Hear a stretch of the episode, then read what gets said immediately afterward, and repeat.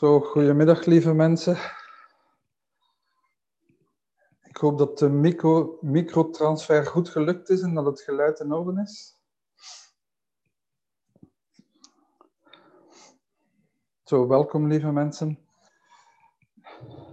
In het vervolg op de tijdshow van Corinne Sensei vorige week. Die sprak over de vrouwelijke energie van de Boeddha-wijsheden en het verband dat er is met onze liturgie van de Poort van Zoete Nectar, wil ik graag vandaag uh, één aspect van de Poort van Zoete Nectar toelichten.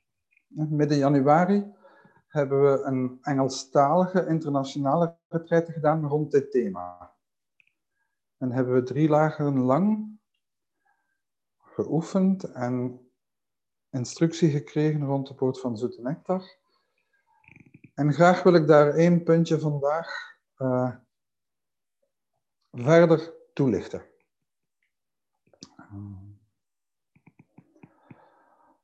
In het verleden hebben we al retraites gedaan, ik denk in Katzand in de zomer, waarbij we systematisch vijf dagen lang elke dag één van die wijsheidsaspecten uh, hebben beoefend en toegelicht.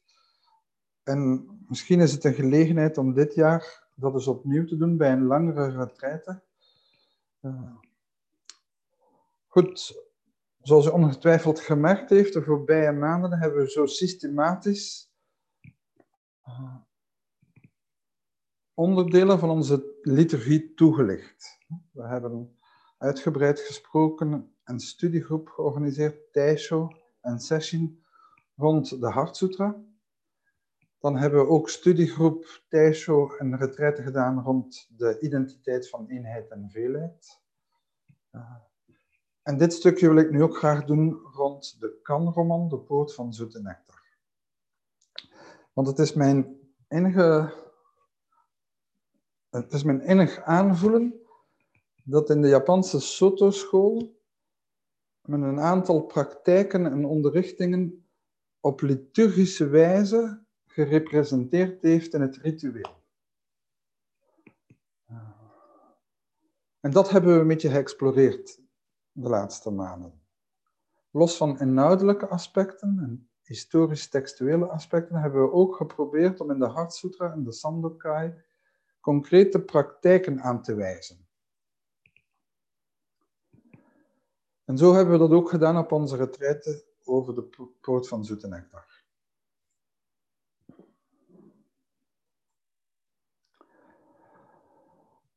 En dus bij de Hartsutra bijvoorbeeld hebben we gesproken over wat betekent het diepe prajnaparamita te beoefenen. Diepe wijsheid voorbij de wijsheid. We hebben gesproken over oefenen Mushotoku. Zonder doel, zonder resultaat voor ogen. Goed, en ik wil dat graag nog even daarop terugkeren, omdat deze week in het gesprek met iemand, iemand vroeg, maar waarom doen we deze praktijk? Want het heeft toch geen doel? Het is Mushotoku. En ik denk dat het van belang is om een onderscheid te maken tussen een oogmerk, want onze praktijk heeft een oogmerk. Er is een intentie en we, ons oogmerk is meer vrij te worden, meer onszelf te worden, meer in verbinding te zijn, meer uitdrukking te geven aan onze ware aard, die innig verbonden is met de totale werkelijkheid en met andere mensen. Dat is ons oogmerk. Maar er is een belangrijk verschil tussen een oogmerk van een praktijk en een resultaatgerichte praktijk. Wanneer we een resultaat voor ogen hebben, dan, zijn we, dan beperken we onszelf. En willen we meteen iets wat meetbaar en verifieerbaar is, volgens ons eigen begrip op dat moment. En dus als we mediteren om rustig te worden, of als we mediteren om verlicht te worden, hebben we een beeld voor ogen van een resultaat waar ons dat moet brengen. En net dat staat de waarachtige beoefening in de weg. Ik ga een klein voorbeeld geven uit mijn eigen, uh, uit mijn eigen ervaring. Toen ik begon te tekenen, had ik de bedoeling om realistisch juist te leren tekenen. Ik dacht dat dat het doel was. En dus de beoefening en de resultaten konden kon bijna niet anders dan tegenvallen, want ik had daar een idee van. In feite wou ik kunnen tekenen zoals Rafael. Heel realistisch, heel mooi, delicaat. Het is pas gaandeweg dat ik beseft heb dat het oogmerk van het feit dat ik graag tekende was omdat ik iets kon uitdrukken. Omdat ik iets kon meedelen, omdat ik daarin iets van mezelf kon zijn. En dus toen ik het resultaatgerichte werken liet vallen, kon ik werkelijk ruimte maken om de beleving te ervaren van wat betekent het scheppend te zijn. Wel, net zo is dat met onze praktijken in de Hartsutra hebben we dat proberen aan te raken in ons werken rond die uitdrukking hè, Mushotoku. Geen bereiken. Het is een bereiken dat niet losstaat van mezelf. Dat niet refereert aan een beeld. Goed, zo hebben we in de identiteit van eenheid en veelheid gesproken over praktijk van integratie. Het absolute en het relatieve. We hebben gesproken over niet oordelen. Oefenen als niet oordelen. Goed, en in onze poort van zoete nectar komen verschillende praktijken aan bod. Als je kijkt gewoon naar de indeling, en zoals ik daar straks zei, ik beloof dat ik de tekst op de, op de website zal zetten tegen volgende week. Volgende week vrijdag namiddag is er een studiegroep in het Nederlands gepland. En dan wil ik graag eens wat dieper ingaan op historische en textuele aspecten. Over de vertaling en hoe Maizumi Roshi en Burry dat hebben aangepast. Daar wil ik graag op ingaan. Als jullie dan de tekst zullen hebben, zal je zien dat we de kanroman, de poort van zoete nectar, kunnen indelen.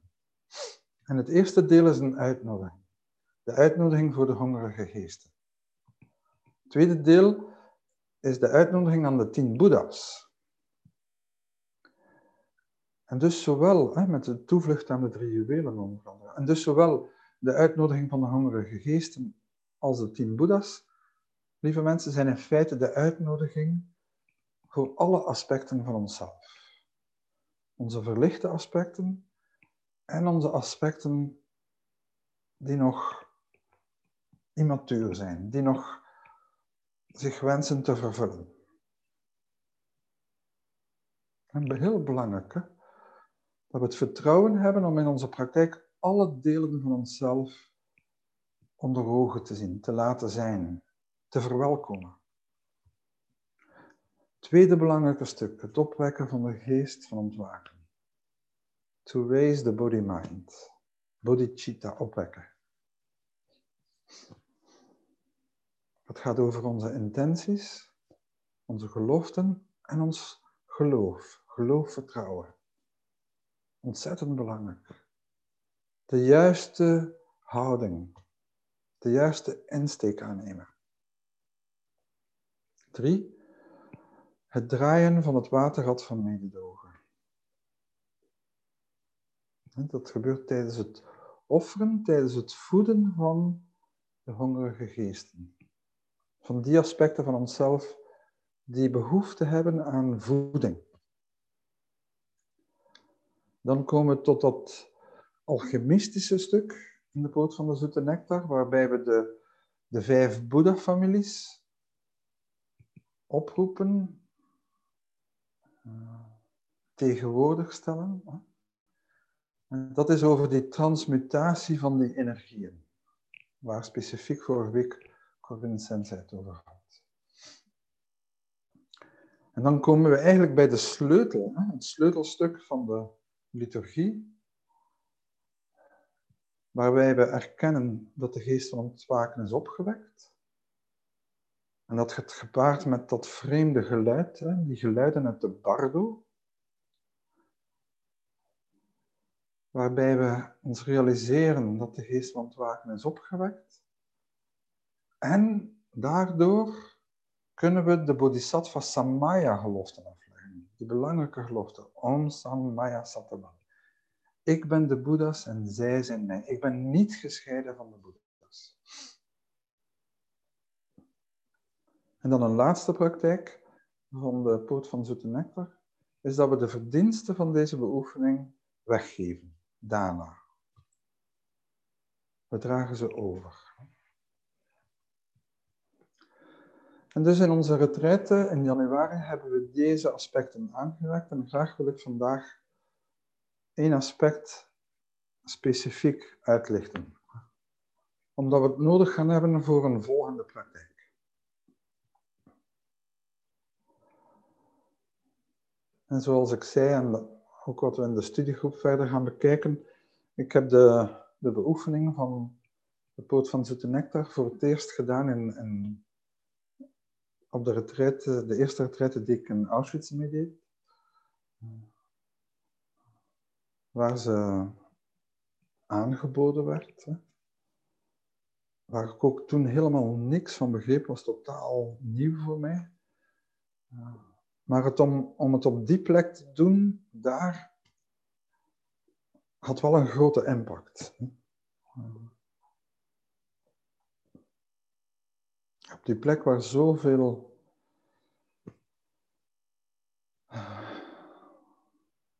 zoals Bernie Roosje zei, zoveel souls around.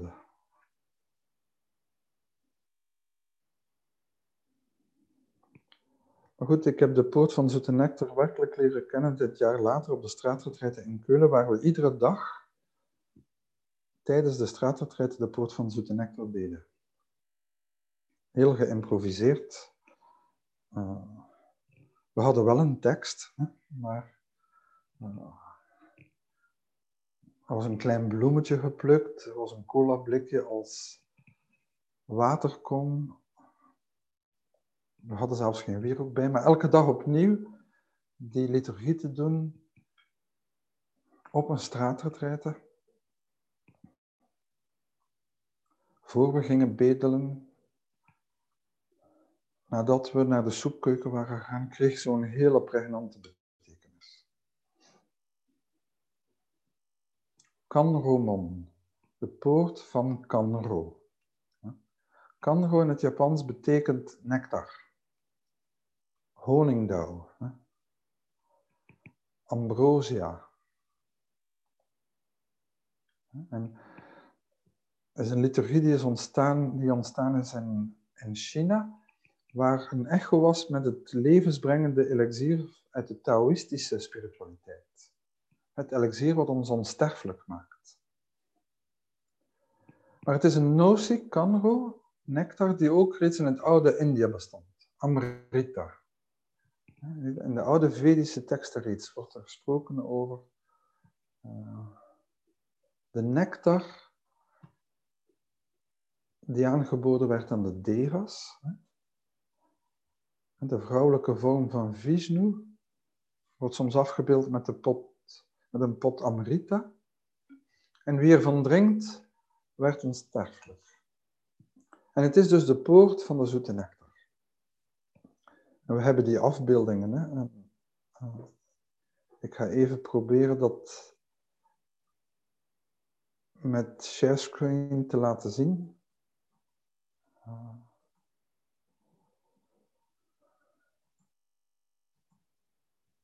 Jullie zouden dat moeten zien nu. Klopt dat?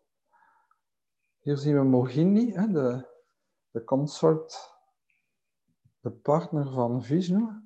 Het is een vrouwelijke figuur en ze heeft hier in de, voor ons in de rechterhand, in haar linkerhand, heeft ze die pot met Amrita. met nectar. Die we dus eeuwen later gaan terugvinden in de voorstellingen van Kuan Yin in China. Het is een mooie beroemde tekening van Muji. Hier zien we Kanzeon, Kuan Yin in meditatie en haar flesje, haar potje met de zoete nectar staat daar bij haar. En soms kennen we het ook van die mooie Kanzeon-beeldjes in blanc de Chine, waarbij Kanzeon vrijelijk haar flacon met zoete nectar deelt.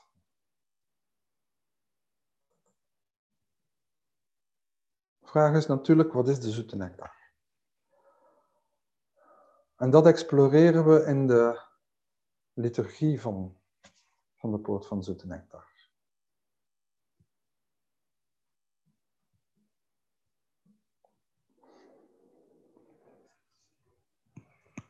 En we zingen in het Engels, Being one with all Buddhas, I turn the water wheel of compassion.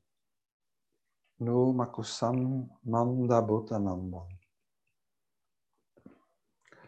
En er is een vertaling in het liturgieboek, in het Japanse liturgieboek van de Soto-school, die dit stukje, deze Dharani, die vertaald is als het voeden van de hongerige geesten, die dat vertaalt als Vairochana Buddha zien.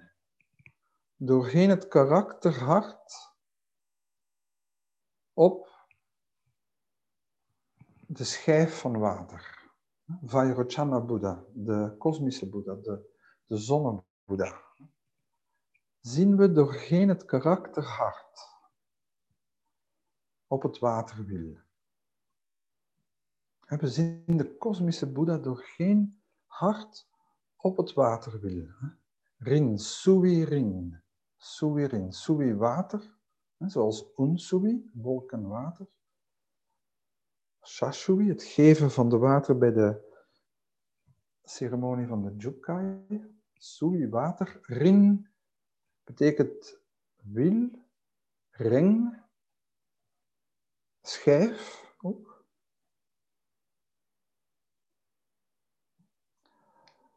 En goed, dat, dat heeft iets van een, een tantrische invloed op onze zenliturgie.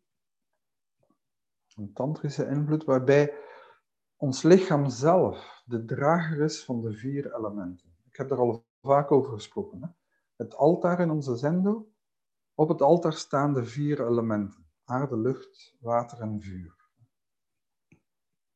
Vuur natuurlijk is de kaars, het water is het potje naar water, de lucht is de wierook en de bloemen als de vrucht van de aarde. Dus dat, maar wij zelf zijn de drager van die vier elementen. Wij zelf zijn de drager, we zijn gemarkeerd door die vier elementen, door vier wielen, door vier chakras. Iets wat draait, iets wat vloeit, iets wat beweegt, waar energie circuleert. En zo dragen we de aarde chakra in onze buik. Dragen we de vuurchakra in onze keel. Dragen we de luchtchakra ter hoogte hier van het derde oog. En dragen we de waterchakra hier, ter hoogte van het hart. Het hart. En dus wanneer we zingen, ik draai het waterwiel van mededogen, geven we eigenlijk aan dat we de praktijk doen van het laten circuleren van de energie hier. Van Jihi, mededogen, liefde en mededogen. En dat verwijst naar een beoefening. de mensen in onze zanger die uh, de praktijk doen van de Jikikan, de onmiddellijke oefening, hebben daar een, een notie van. Jikiji, Jikiji, de onmiddellijke oefening. Vier, vier verschillende korte onmiddellijke oefeningen, direct, directe oefeningen. Waarbij we voor een moment ons verbinden met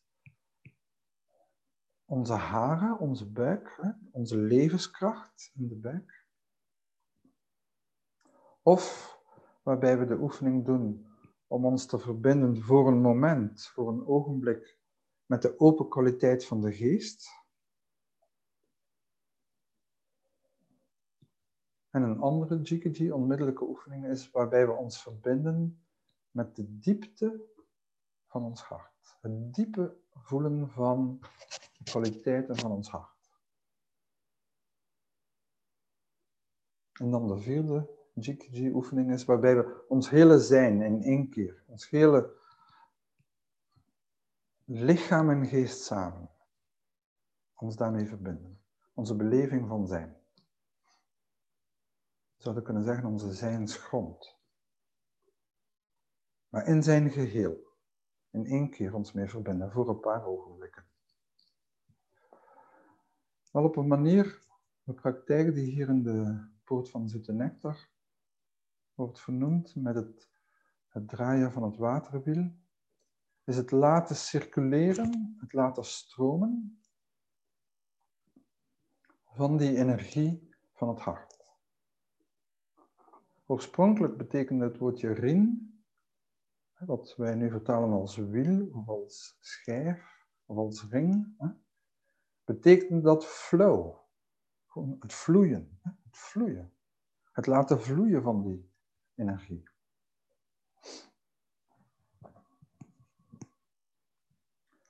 Dus Jikiji is daarop geënt.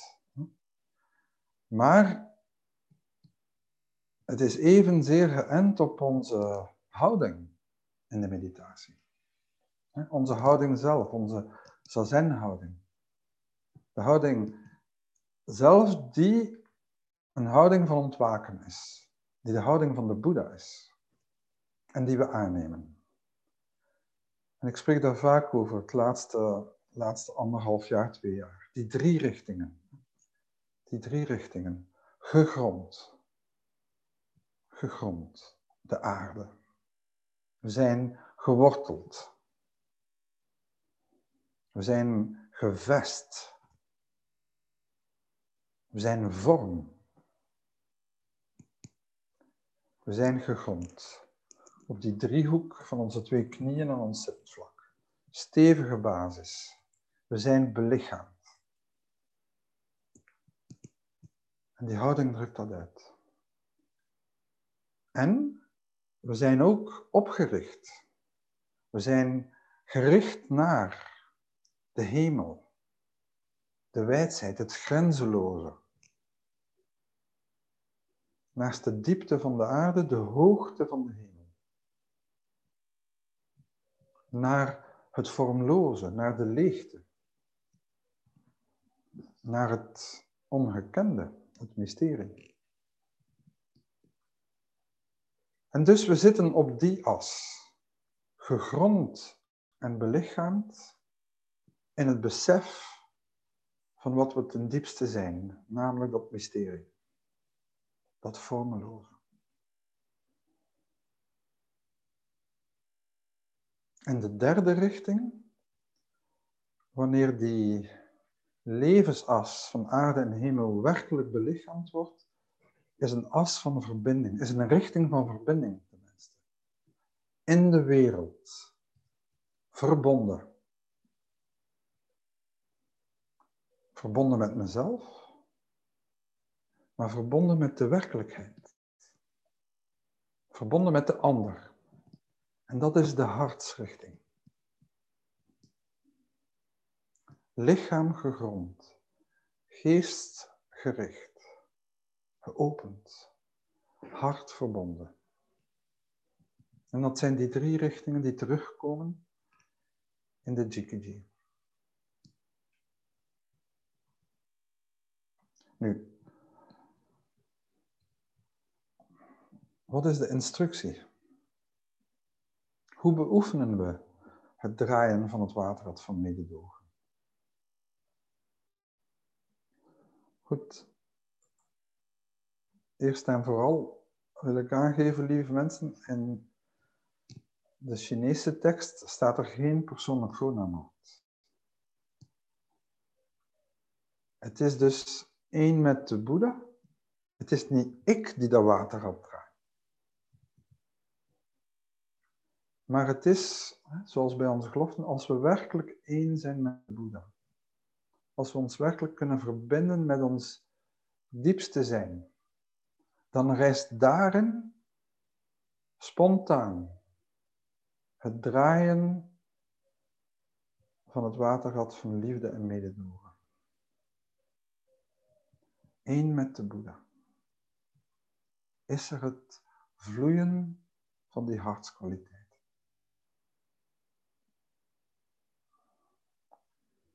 Dus het is niet ik die dat watergat doet draaien. Het is niet ik die dat doet vloeien. Het is niet dat ik moet putten uit mijn vermogen tot mededogen en liefde.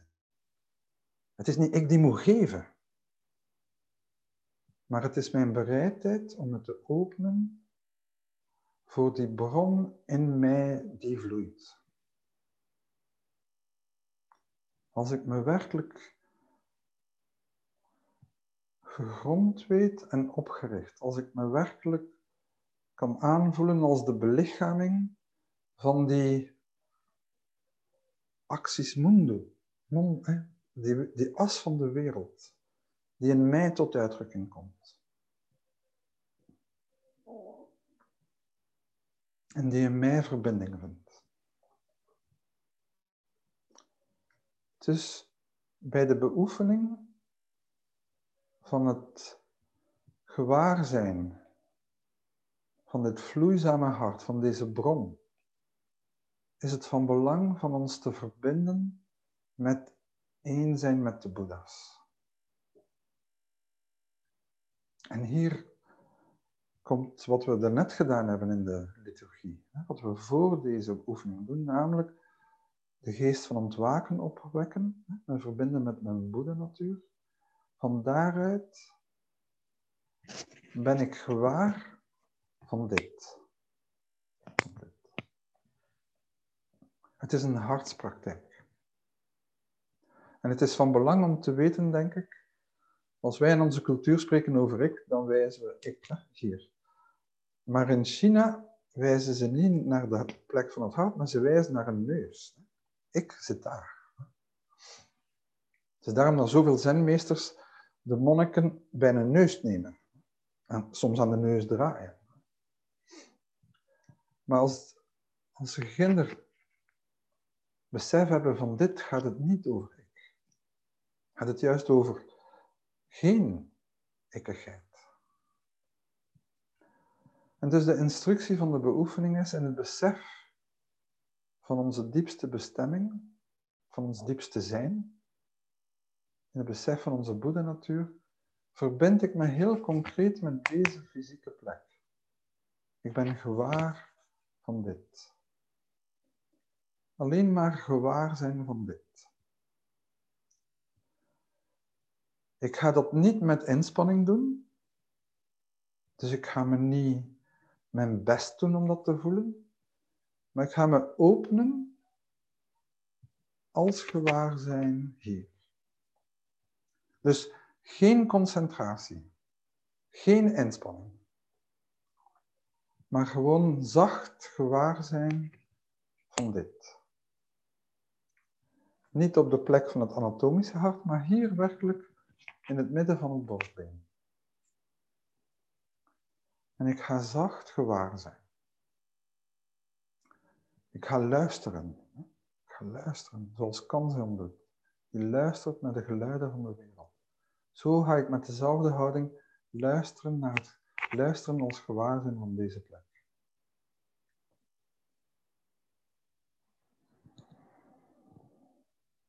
En heel vaak krijg ik de opmerking, en ik herinner me dat ik dat zelf aan mijn leraar gezegd heb, maar ik voel het niet.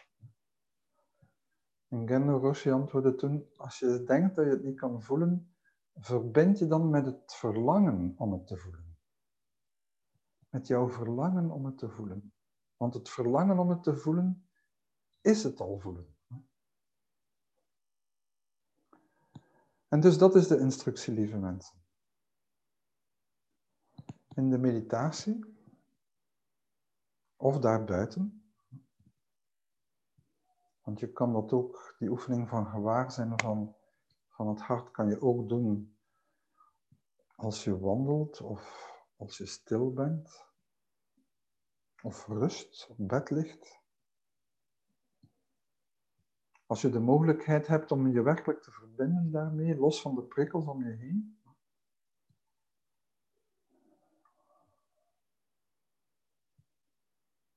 Dus de instructie is gewoon te verstillen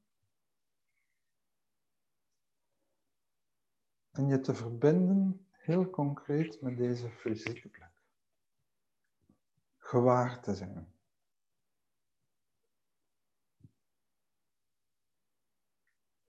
En op die manier merken we, voelen we, beginnen we die plek aan te voelen. En gaan we proeven hoe het een vloeizame plek is. Die kwetsbaar is. Zeker. Het is teer. Het is onbeschermd. Het is teder ook. Teder en warm.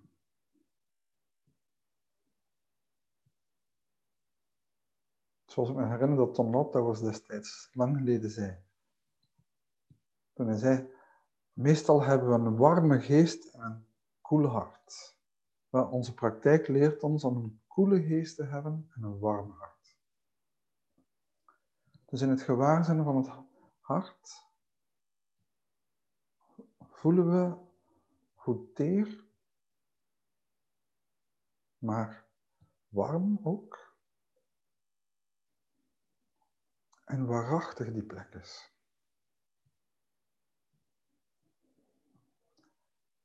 Het is een plek die zich, wil, uh, die zich zoekt uit te breiden, die zich zoekt te verbinden. Ze stroomt, ze zoekt zich te verbinden.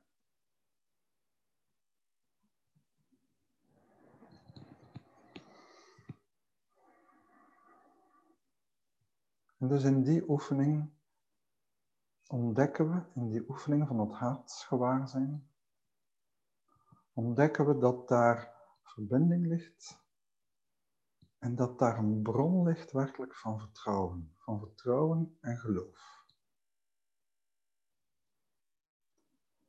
Die plek verifieert zichzelf. In het gewaarzijn voelen we, het is waar. We voelen de liefde. We voelen de empathie. We voelen ons mededogen. We voelen ons erbarmen daar. We voelen onze ontroering. En de plek verifieert zichzelf.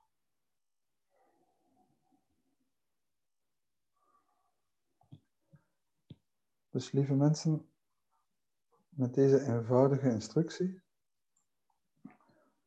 wil ik u graag de volgende dagen insturen. Probeer het dus. Kijk eens wat zich voordoet. Want dat is de poort van de zoete nectar. Daar ligt de poort van de zoete nectar. Wanneer we die poort binnengaan. Dat is niet de poortloze poort, dat is de poort van het levensbrengende elixier.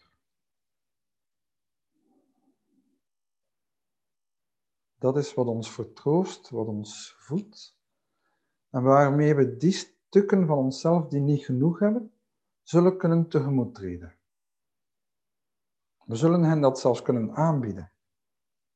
Het punt is, lieve mensen, dat we van daaruit, vanuit die overvloed die in ons hart is, naar die stukken kunnen kijken waar we niet van houden, van onszelf. En dat gaat een groot verschil maken. Ik denk dat ze tegenwoordig zouden zeggen, het is de poort van de rescue. Hè? Bij de Bachbloesems, hè? Zo.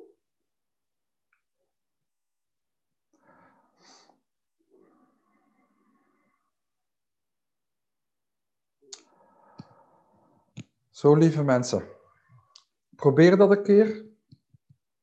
Probeer dat een keer als langere meditatie. Verbind je daarmee in het zitten zo. Een aantal keer. Hè? Verwijl daarin. Probeer dat ook een keer als jikiji, als korte oefening. Eén ogenblik, twee ogenblikken, gewoon je even mee verbinden. En kom daar eens over spreken in de doxa. Over hoe het gaat, wat dat je voelt, wat er gebeurt, wat er loskomt. Het is fijn om van hart tot hart daarover te spreken. Het is iets wat werkt, lieve mensen. Dat kan ik, dat kan ik meegeven. Het is iets dat je voelt. Je gaat dat voelen. Dat gaat goed voelen. Dat gaat ons voeden. Oké.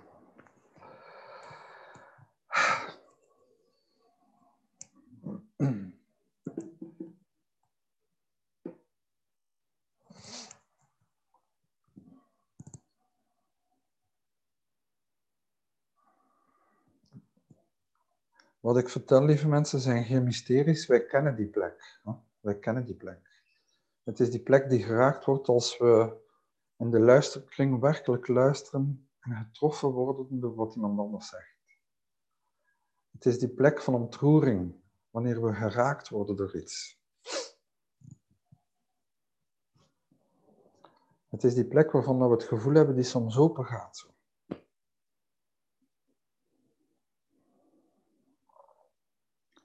En het is een heel merkwaardige bron.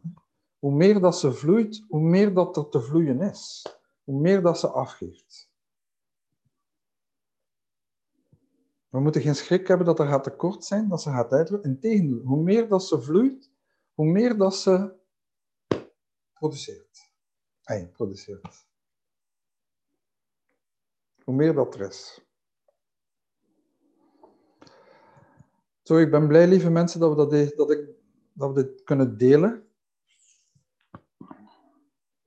Volgende week vrijdag namiddag gaan we op de tekst wat meer ingaan. Ga ik een paar, uh, een aantal dingen delen rond, rond de geschiedenis van de tekst, rond de verwijzingen naar de sutras die erin zitten. Hoe de vertaling is aangepast geweest door Bernie Roshi heeft een aantal dingen uit andere tradities geleend, die hij daarin verwerkt heeft. Die denk ik uh, interessant en sprekend zijn. Er zitten stukjes uit de christelijke liturgieën, uit de Joodse liturgie, uit, de Hindoe-traditie zelfs. Uh, dat zal in onze studiegroep zijn vrijdag. En dan binnenkort kunnen we eens kijken om een retraite te doen maar goed, dan moeten we minimum zes dagen hebben. Hè. Dat zal misschien deze zomer zijn. Dat we werkelijk zo systematisch die vijf Boeddha-families, die vijf Boeddha-wijsheden, wat aspecten zijn van ontwaken, hè, dichter beschouwen.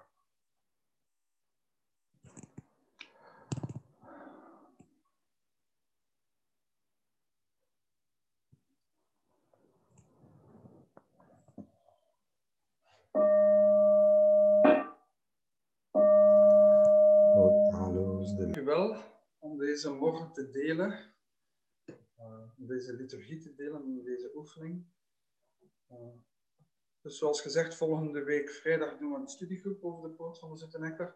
Zaterdag gaat de Thijshow over een stukje van de Sangha Sutra, wat ik zal toelichten. Onze workshop, goed, toen we die planden, dachten we dat de maatregelen van corona misschien al zouden gelost zijn, maar dus die gaan we moeten uitstellen totdat we die in levende lijven kunnen doen. Maar ik ga al een stukje van de Sangha Sutra toelichten. Een andere maandagavond hebben we ook onze denkgroep, die nadenkt over wat we daar rond gaan maken. Maandagavond is een studiegroep daar rond, met de Raad van Bestuur en onze denkgroep. En zaterdag ga ik een stukje toelichten waar we staan. Zo, ik wens jullie een gezond en uh, een fijn weekend. En ik ben blij dat we binnenkort naar de kapper kunnen. Dank u wel.